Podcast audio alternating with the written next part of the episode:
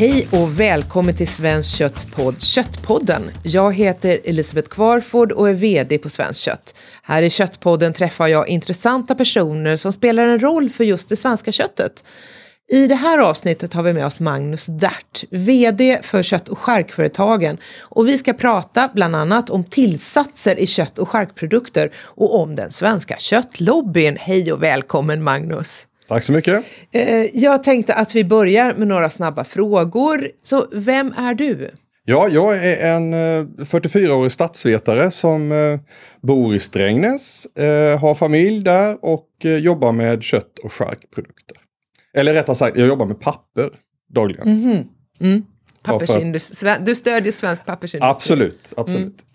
Hur ser en vanlig dag på jobbet ut? Ja, en vanlig dag. Eh, jag stiger då upp, äter alltid frukost, sätter mig på tåget, börjar jobba. Eh, och sen består dagen i stort sett utav funderingar kring olika typer av regler, lagstiftning, väldigt mycket telefonsamtal, naturligtvis möten, eh, både med myndigheter och eh, med regering. Om du skulle beskriva det fina med kött, vad skulle det vara? Det är ju ett i grunden väldigt fantastiskt livsmedel. Alltså, vi, har, vi har ett livsmedel som är, utgår ifrån och egentligen är förknippat med den femte grundsmaken. Eh, och där tror jag är det, det, den mest den starkaste eh, fördelen hos kött. Mm. Umami, alltså Precis. den som är en Precis. ganska ny grundsmak, inte den som du och jag lärde oss om i, i skolan. Så där vi fick liksom så uppritat, där sitter saltet, där sitter sockret och så, utan umamin som mm. är... Och den är ju väldigt kraftfull smak. Mm kopplat till eh, njutning. Det är framför där, framförallt det som är den stora fördelen, att folk tycker om kött och köttsmak. Vad är din favoriträtt med kött? Jag är väldigt förtjust i olika typer av grytor, mustiga grytor med, med eh, eh gärna intressanta smakkombinationer. Det är väldigt bra att använda charkprodukter som smaksättare i, i grytor. Och då får man en kombination av både kött och charkprodukter som, är, som ger väldigt mycket smak. Bacon, skinka, korv? Ja, kryddiga korvar, rökta korvar, eh, rökt bacon naturligtvis, sidfläsk funkar absolut perfekt. Och jag fick ett tips på, faktiskt på korvfestivalen som var för några, någon helg, helg sedan och då, eh, då var tipset att ta vedrökt sidfläsk, bryn det ganska hårt, eh, låt det svalna och servera som snacks. Det var eh, tydligen en riktig hit. Det, det ska man testa. Mm -hmm. Man ska äta det kallt alltså? Mm. Gott köttchips. Mm, mm. Precis. Hur tycker du att riktigt gott kött smakar? Nu har ju varit inne på det här med umamin, men finns det något mer? Det är ju en väldigt komplicerad fråga, men det är klart att, att för mig så ska kött vara det ska vara mört och det ska vara eh, smakrikt. Du är VD för kött och charkföretagen. Är du en köttpamp? Ja, pamp är ju ett väldigt värdeladdat ord och det är klart att när man tänker på begreppet som sådant så eh, jag tolkar kanske in någon slags maktfullkomlighet i ordet pamp och, och det identifierar man ju inte riktigt med. Däremot så det här med att ha inflytande tror jag är, är ändå eh, oerhört viktigt för en sån, en sån position. Det, jag jobbar ju med inflytande hela dagarna för att få förståelse för vår verklighet och, och hur eh, kött och charkproduktion går till i praktiken och hur eh, man ska kunna matcha regelverken så att det här fungerar på ett bra sätt. Olika delar i begreppet möjligen eh, identifierar jag med men inte riktigt alla. Mm. Men Magnus, kött och charkföretagen, vad är det egentligen för en organisation? Ja, vi är en klassisk lobbyorganisation. Eh, vi jobbar väldigt mycket med att eh, påverka regelverk och lagstiftning i en riktning som, som faktiskt fungerar tillsammans med hur vi producerar kött och charkprodukter i Sverige. Eh, som sagt, vårt huvudfokus är lagstiftningsfrågor, men vi jobbar även med frågor som, som eh, utbildning, export, Eh, och vi jobbar också med eh, egentligen direkt rådgivning till våra medlemmar eh, när de står inför olika problem. Är ett medlemskap i KCF lika med att man har kollektivavtal då? Nej, utan då får man vara medlem i livsmedelsföretagen. Okej, okay, så det är två olika medlemskap? Ja, så mm. vi, vi tar hand om de eh, egentligen förutsättningarna för företag i, i, i vår bransch så att säga. Inte de generella frågorna kring, kring arbetsgivarfrågor, utan där, där får vi hänvisa till livsmedelsföretagen. Mm. Just när man kommer ner till det som kallas för just här tillsatser och, och så, så finns det ju också väldigt mycket myter. Mm. Och just där kring den här återskapande röken så, så finns det liksom en fulstämpel. Mm. Att det där är inte naturligt och det som vore vara naturligt är att man bara ska använda ved. Mm. Och, det, och det, det är som sagt, verkligheten är ju sällan svart eller vit. Utan här, är, här finns det industriella metoder som gör att man kan så att säga förbättra röken. I Sverige har det varit naturligt att ta det steget. Det uppskattningar eh, vi har gjort är ju att eh, så mycket som 80 procent av de rökta produkterna är framställda med återskapad rök. Eh, det vill säga en, en, en vätska som kommer från, som har, är kondenserad rök så att säga. Man får stora både miljövärden och, och det blir lägre värden av de här PAH-ämnena som man vill undvika egentligen. Det är också så här att i Norden är vi väldigt förtjusta i det rökta. Absolut, det är en fantastisk smak. Det är ju den här rökta smaken som, som, som kan fungera som en så bra smaksättare i vissa rätter. Liksom. Mm. Jag menar, rök innehåller ju tusentals olika partiklar och ämnen. Som ju ger en, en, eh, en enorm möjlighet så att säga smakmässigt. Och en komplexitet i smaken som är, som är väldigt bra att använda. Mm. Hur tror du att den genomsnittliga konsumentens relation till kött ser ut? Jag tror att det varierar väldigt, väldigt, väldigt mycket. Alltså från eh, folk som är helt ointresserade till, till riktiga köttnördar. Liksom. Och det, jag tror att, att eh, alltså för den stora majoriteten så är ju kött ett väldigt eh, bra och naturligt livsmedel. Barnen blir mätta. Precis, och man gillar det. det. Man gillar det, ja precis. Det är näringstätt och det är eh, ofta enkelt att tillaga. Eh, och som sagt, det lö lös löser vardagspusslet för många. Just det här med olika länders traditioner så har vi ju, varför torkar vi inte i Sverige på det sätt som man gör i till exempel Italien och Spanien? Alltså traditionellt så tror jag att det egentligen handlar om att, att eh, de förutsättningarna finns egentligen inte. Vi har ju ett blötare klimat och vi har en väldigt mycket längre period av, av vinter. Och, och, för att bevara livsmedlen så har man eh, så att säga valt rökningstekniken eh, mm. i högre utsträckning. Och saltning och, och syrning? Och saltning naturligtvis. Mm. Det är en väldigt viktig ingrediens i hela, hela uh, charkbegreppet så att säga. Mm. Men den här isterbandssyrliga smaken, kan man hitta den någon annanstans i världen? Eller är vi unika där? Jag tror att den går att hitta en bit ner på kontinenten men, men sen tror jag att det tar, det tar, uh, tar slut så att säga. Mm. Tyskland, eh, där har de ju mycket syra, sura smaker i, i, i, både, i många typer av köttprodukter men, men, och även, även med surkål och annat. Och jag tror att det, det blir en väldigt tydlig eh, klimatkoppling till vilka traditioner man har. Alltså har du stött på några andra så här charkuteritraditioner? Vi har ju ganska god koll på Europa, men i andra världsdelar och så. Vad äter man för chark i Sydamerika? Till exempel? Där har man ju korvar naturligtvis. Alltså det är ju, även om man äter en, en, en kanske grillar en stor del av köttet där så, så får man ju ändå en, en, en stor del av djuret som lämpar sig väl för korv, precis som här. Intressant är väl att om man går österut så är det, är det väldigt tydligt att där är det mycket, mycket mindre korv och charkuterier generellt. Man Utan använder mer, mer av, av hela djuret och ja, lagar precis. till. Och det, och det är mycket, eh, mycket buljonger och mycket soppa och sånt där, där du då kan använda eh, en stor del av djuret eh, som smaksättare i en buljong. Den delen av matkulturen, eh, alltså till viss del har vi ju haft den kopplat till köttsoppa och sådana saker här. Men, men den är väldigt mycket mer utbredd i, borta i Asien till exempel. Och där kött kanske blir ett, ett tillbehör istället för, för huvudrätten. Absolut, Nej, men det, är ju, det är ju så att det är, det är mycket av en smaksättare och det är klart att de med förändrade inkomster och så vidare så, så förändras ju detta naturligtvis. Men, men, eh, och det var ju så även i Sverige eh, tidigare. Att vi ha, har haft en förrådstradition. Att man sparar och, och saltar och äter inte så mycket färskt kött utan vi, vi har eh, rökt och saltat och syrat och sparat. Ja. Och ätit färskt på jul. Ja, och kunnat ha kött över hela året på det sättet. Mm. Och när vi pratar charkuterier, då, vad är en charkuteri? Vad, har man, vad är det som skiljer liksom, kött från charkuteri? Just ordet charkuteri kommer ju från franskans att, att bereda kött. Så att det är ju, det, det blir ju ett naturligt inslag att, att man så att säga vidareförädlar köttet eh, på något sätt. Och det kan antingen ske genom saltning och rökning eller att man eh, sönderdelar det ännu mer som till korv så att säga. Mm. Om man ser på till exempel den traditionella svenska julskinkan. Är det kött eller är det charkuteri? Jag ser det ju som en, en tydlig eh. Mitt perspektiv är ju inte alltid bara matkulturellt utan det är också väldigt mycket kopplat till hur lagstiftningen definierar olika produkter.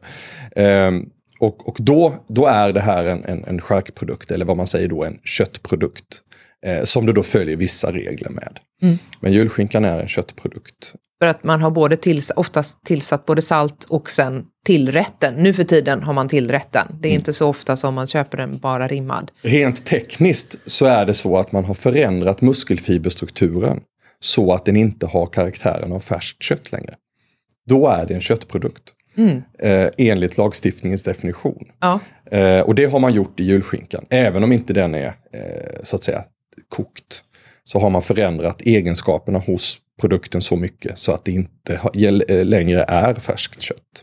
En fråga som ofta dyker upp när man just pratar om charkuterier, det är ju frågan om nitrit. Ja, nitrit är ju ett kvävehaltigt ämne. Eh, det finns eh, naturligt både i oss och i miljön.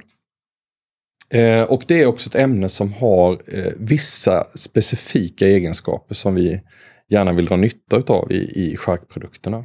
Som många ämnen så kan det ju leda till flera olika effekter naturligtvis. Va? Men, men eh, skälet till att vi använder eh, nitrit, och då är det blandat med salt ska jag säga, då, då är den främsta anledningen att, att eh, hämma eh, bakterietillväxt i produkterna. Eh, man har sett genom historien att, att en bakterie som heter Clostridium botulinum man har sett att nitritsalt har eh, en väldigt bra hämmande effekt på den här bakterien så att den försvinner. Och det är den främsta anledningen till att vi använder nitrit i charkprodukter. Sen ger det både smak och färg därutöver.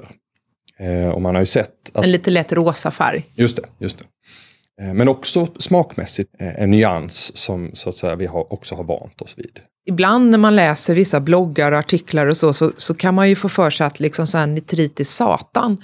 Hur, hur har vi kommit dit? Vad, vad är det som kritiseras när det gäller nitrit? Jag ska säga från början att jag, det, det, finns alltid... Jag har full respekt för eh, personer som väljer att, att välja bort någonting.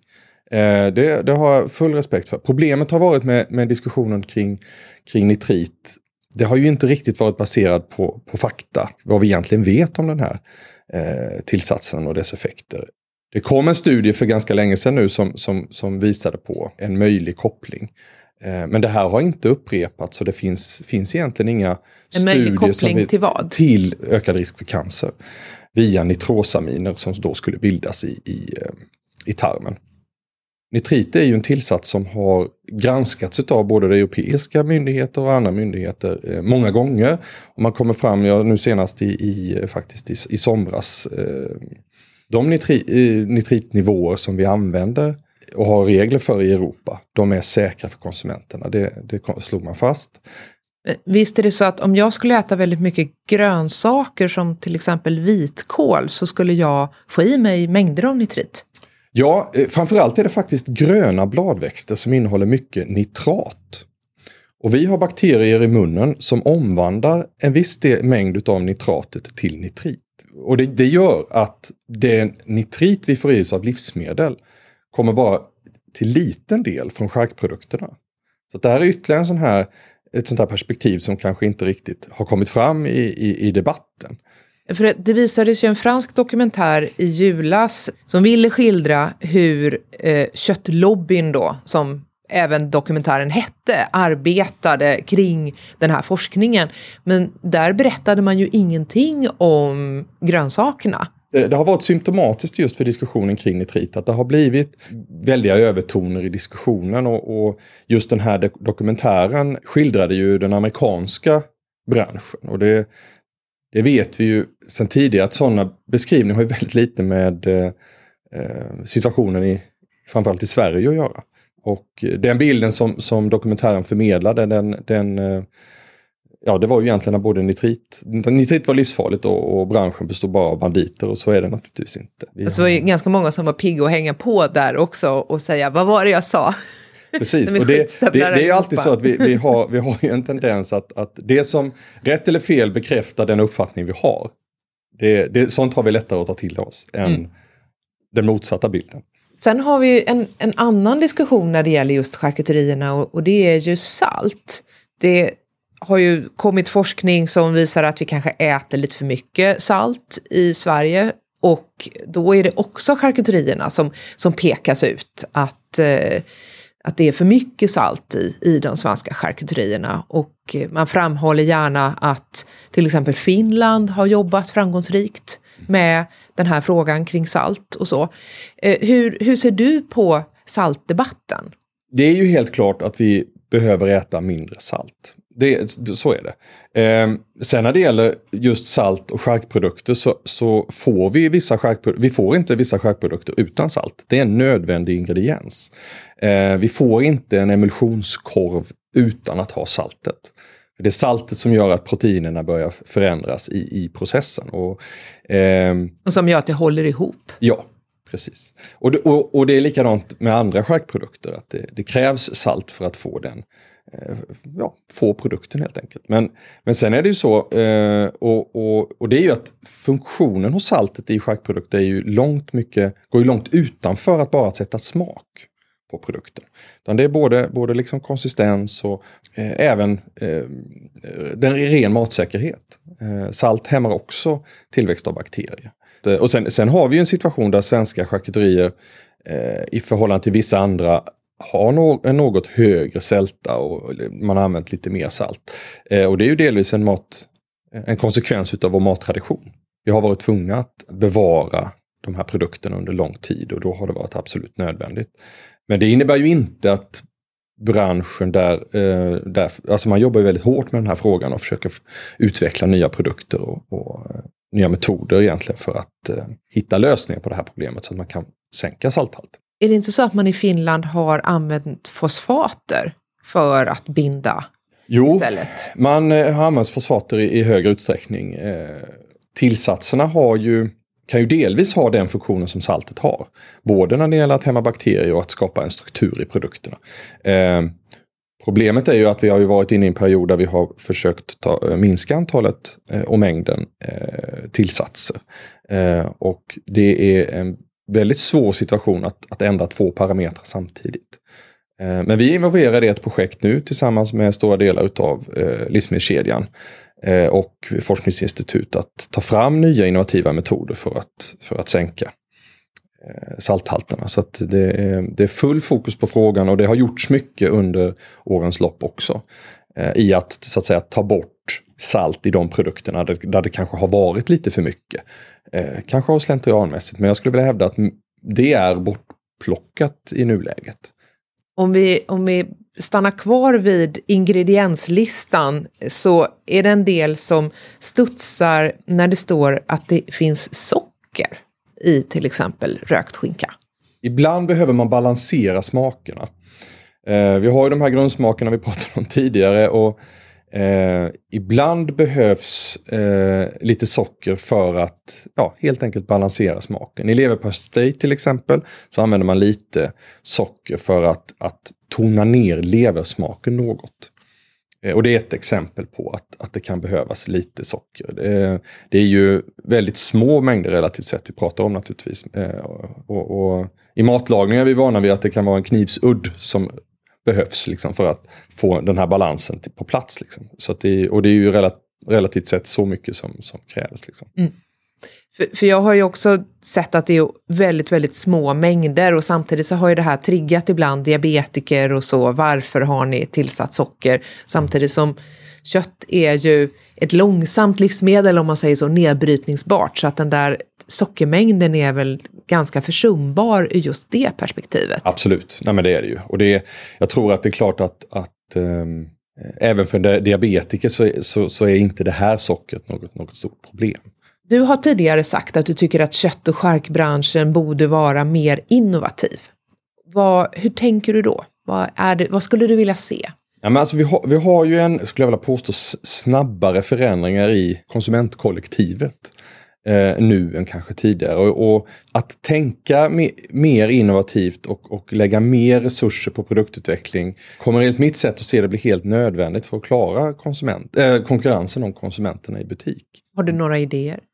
Eh, i, kanske inte rent eh, sådär. Det är ju rent tekniskt så är det ju mycket som ska på plats i en innovationsprocess för att man ska komma fram till en slutprodukt. Men, men jag, jag tror framförallt att det finns många nya tekniker som man måste ta in i beaktande.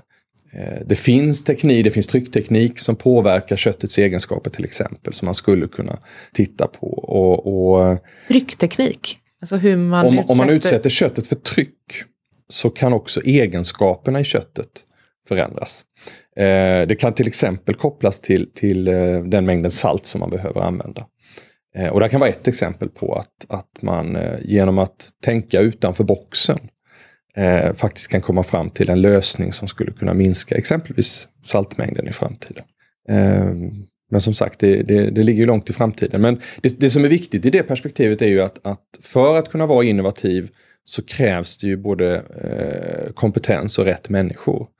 Eh, och den frågan är, är en, en, en, en, stor utmaning för oss att, att försörja branschen med kompetens. Att, ja, för eh, det funkar inte så bra just nu, eller hur? Nej, och, och eh, som sagt, vi har ju haft eh, Stora behov. Ja, precis. Det finns stora behov. Eh, och dels så handlar det om att vi har, kommer att ha stora pensionsavgångar eh, framför oss. Eh, samtidigt som vi är relativt dåligt rustade när det gäller utbildnings... Eh, eh, skolor helt enkelt som kan utbilda med rätt kompetens. Ja, för det är ju intressant, för här är ju en bransch där det finns jobb. Mycket Absolut. jobb. Eh, det men eh, det är alldeles för få som utbildar sig. Mm. Både på styckningssidan men också just på liksom, den här kemisidan som man nästan får betrakta charkteristyrket som. Att man, man blir ju lite kemist. Absolut. Och vi, vi brukar dela alltså man delar ju egentligen upp det rent vetenskapligt. Dels i eh, köttvetenskap. Då är det ju köttets inneboende egenskaper. Men när det sen kommer till köttteknologi då är det ju hur köttet reagerar i kombination med andra saker. Exempelvis salt, exempelvis tillsatser och så vidare. Andra ingredienser. Eh, och här, här finns det ett väldigt stort, både genom hela utbildningssystemet, både från enkel eh, utbildning på, på gymnasienivå, vidareutbildning utav eh, branschens redan anställda. Men även upp på, på, eh, på doktorandnivå finns det ett behov. Vi får höra av oss till eh, utbildningsdepartementet och se vad de kan åstadkomma. När Sverige tog en livsmedelsstrategi förra året så var ju just export någonting som man lyfter fram att nu skulle vi jobba med livsmedelsexport. Det har vi egentligen inte gjort. Vi har exporterat lite vodka, pepparkakor, smågodis och eh, cider, typ är, består väl den svenska livsmedelsexporten av, förutom vissa råvaror då som till exempel säd, grisfötter till Västafrika eh, och så. Eh, förresten, de här grisfötterna till Västafrika, vad, vad, vad handlar det om? Alltså i, i grunden så, så, handlar ju all internationell handel om att egentligen matcha en tillgång av olika produkter eh, med en efterfrågan. Grisfötter är ju en sån produkt som, som vi eh, regelmässigt har ätit mindre och mindre utav. Vi, I det gamla bondesamhället så åt man ju upp alla grisfötter. Eh, vi har förmodligen blivit mer bekväma. Eh, och eh, kanske också tappat kunskapen om att tillreda de här produkterna. Eh, och då har vår efterfrågan på dem minskat medan den finns kvar på andra håll i, i världen. Och där blir ju då väl, eh, internationell handel en väldigt bra metod för att faktiskt matcha en efterfrågan med en tillgång på produkter. Vi har ju eh, vid vissa konsumtionstoppar också en, en väldigt hög efterfrågan på andra delar av djuren som vi då måste importera. Alltså, våra slakterier tar ju in ett helt djur från bönderna. Och man delar på det djuret helt enkelt i, i, i slaktprocessen. Och det är, alla de här olika delarna måste ju säljas till en maximal intäkt. Och när man, eh, den efterfrågan jag pratade om tidigare, den gör ju att priset för en viss vara är olika på olika marknader. Eh, just grisfötterna betalar sig mindre i Sverige än i Västafrika eller i Asien. Och när man då kan få mer för produkten, ja då är det ju företagarens instinkt som säger till honom att det är på den marknaden den ska säljas. Eh, och, och, det här kräver ju i vissa fall en process eh, för att få ett tillstånd att exportera till. För det är inte bara så här knacka på och säga hej hej vi vill gärna exportera till ert land, går det bra? Och de säger jajamensan. Det kan finnas sådana exempel. Eh, det är väldigt sällan när det gäller animaliska livsmedel. Eh, för vi har väldigt omfattande lagstiftning när det gäller eh, animaliska produkter över hela världen egentligen. Och eh, precis som EU säkerställer när vi importerar att EU-lagstiftningen är uppfylld när det gäller hygien till exempel. Eh, så eh, vill ju de länder som vi exporterar till säkerställa att vår produktion lever upp till deras lagstiftning.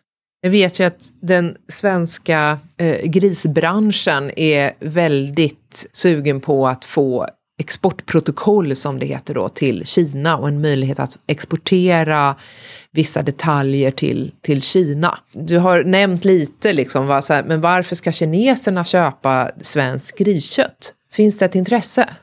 Absolut, det gör det. Vi har ju eh, haft flera resor till, till, eh, till Kina och vi kommer även ta emot en delegation här i, i april. Där de kommer hit och titta på eh, det sättet vi producerar både gris och nötkött på i Sverige. Grundskälet är ju att vi har produkter som de vill ha. Eh, de betalar väldigt bra för de här produkterna. och vilka produkter är det då som vi, som vi tänker att vi vill exportera till Kina? Rent teoretiskt så är det de som det finns ett högre pris i Kina för än i Sverige. Eh, ett exempel kan vara eh, sida. Nu går väldigt mycket av den sida, alltså eh, fläsksidan som vi gör bacon av, den går ju till bacontillverkning idag. Eh, men det som är slående när man är i Kina och tittar i en livsmedelsbutik, det är ju att sidan är prissatt i samma nivå som fläskfilén. Mm. Så där har vi en väldigt tydlig prisdifferens. Sen har vi det även på eh, grisfötterna som vi pratade om tidigare och, och andra eh, detaljer. Eh, just det faktum att man gör mycket soppor och, och buljonger eh, gör ju att även eh, benprodukter betalar sig väldigt mycket bättre. Alltså det som så att säga styckas bort från de rena detaljerna går att, att frysa och exportera med en förstärkt intäkt till de här marknaderna. Det, det sättet som man lagar mat på, det är det som avgör vilken efterfrågan av produkter man har. Vi har inte tid att laga mat på det sättet längre.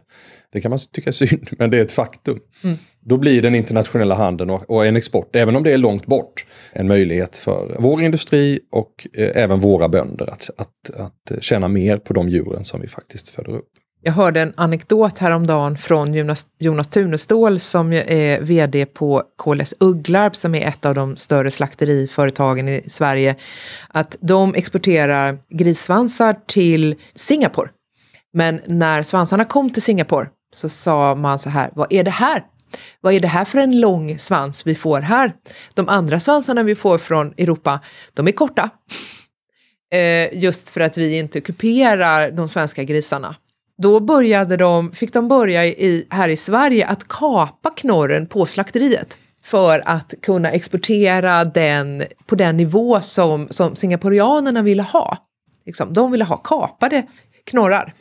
Och då så stod de där med en liten tipp kvar eh, på svansen, svanstipp. Eh, men då hittade de avsättning för den i Hongkong. Tyckte det var ett ganska roligt exempel just att det finns en marknad för allt. Mm. Ja men det gör det verkligen och, och det är ju företagens uppgift att hitta den. Då är det också så att vi från branschorganisationernas sida och även myndigheter och regering måste se till att de här möjligheterna finns. Eh, så att vi är godkända för de marknader där, där efterfrågan finns. Mm. För vi har varit lite dåliga i Sverige på det där, eller eh, hur? vi har varit betydligt sämre än vår, några av våra grannländer, eh, framförallt Danmark som ju har eh, i ett avreglerat jordbruk länge jobbat med exportmarknaden. Har vi varit mer så här självförsörjningsgradsmässiga eh, i våra tankar? Ja, alltså för, för, den svenska branschens del så är ju den svenska marknaden eh, väldigt eh, mycket huvud, i huvudfokus så att säga. Och det, det är ju, där är ju vissa andra länder i, i en annan situation. Eh, har man en större produktion så är det väldigt naturligt att då blir man exportinriktad. Eh, har man en, en, något mindre produktion, eh, ja då är det mer logiskt att fokusera på, på hemmamarknaden och, och förse den i, i, i huvudsak. Men sen, sen är det som vi pratade om innan, det, den efterfrågan som är så skiftande över världen. Den är ju en affärsmöjlighet. Eh, och den har man inte råd att inte utnyttja. En del tycker att det är, är dåligt att vi ska hålla på och skeppa mat över hela världen. Ja, och, och det där är återigen liksom egentligen ett, ett fokus på fel frågor. För det, det är förknippat med väldigt låga transportkostnader och utsläpp att, att, att frysa ner och, och skeppa produkter. Man fyller containrar ja, och det, det, låter dem åka båt. Fraktas ju på ett väldigt effektivt sätt. Miljöpåverkan är väldigt, väldigt, väldigt liten av transporterna. Och det är ju naturligtvis eh, en bra sak att man lyckas slå ut den Eh, effekt som det har på miljön på väldigt stora volymer produkter. Vilka andra länder är på gång när det gäller export? Vi har pratat om Kina, vi har pratat om Västafrika och så. Alltså rent generellt så, så, så kan man säga att vårt fokus ligger väldigt mycket på olika asiatiska länder. Vi har godkännande till exempel exportera till Sydkorea men nu vill de eh, komma hit igen på besök och, och, och godkänna nya anläggningar. Eh, och då är det en, en, en sånt som hamnar i fokus. Vi har flera andra marknader som, som Filippinerna också till exempel borta i Asien som, som är, är, är, i fokus. Förutom då Kina som kanske är det som vi har fokuserat allra mest på. Jag hörde att besöket från Filippinerna drog ut på tiden för de tyckte att det var för kallt. Ja, det är ju då en, en, en klimat, uh, klimatförutsättning som ger oss en lite sämre konkurrensläge. Men, men jag tror säkert att vi ska kunna hitta ett tillfälle på året när det, när det är tillräckligt bra väder för mm. att uh, få dem att, att komma hit. Här. Magnus ställer in midsommar och, och välkomnar den filippinska delegationen till Sverige. har du några drömländer? Något som inte, så exporterar vi något till Ryssland just nu? Eller Nej, det, det går ingenting till, till Ryssland. Eh, där har ju olika eh, embargon kopplade till eh, egentligen storpolitik eh, satt stopp för det.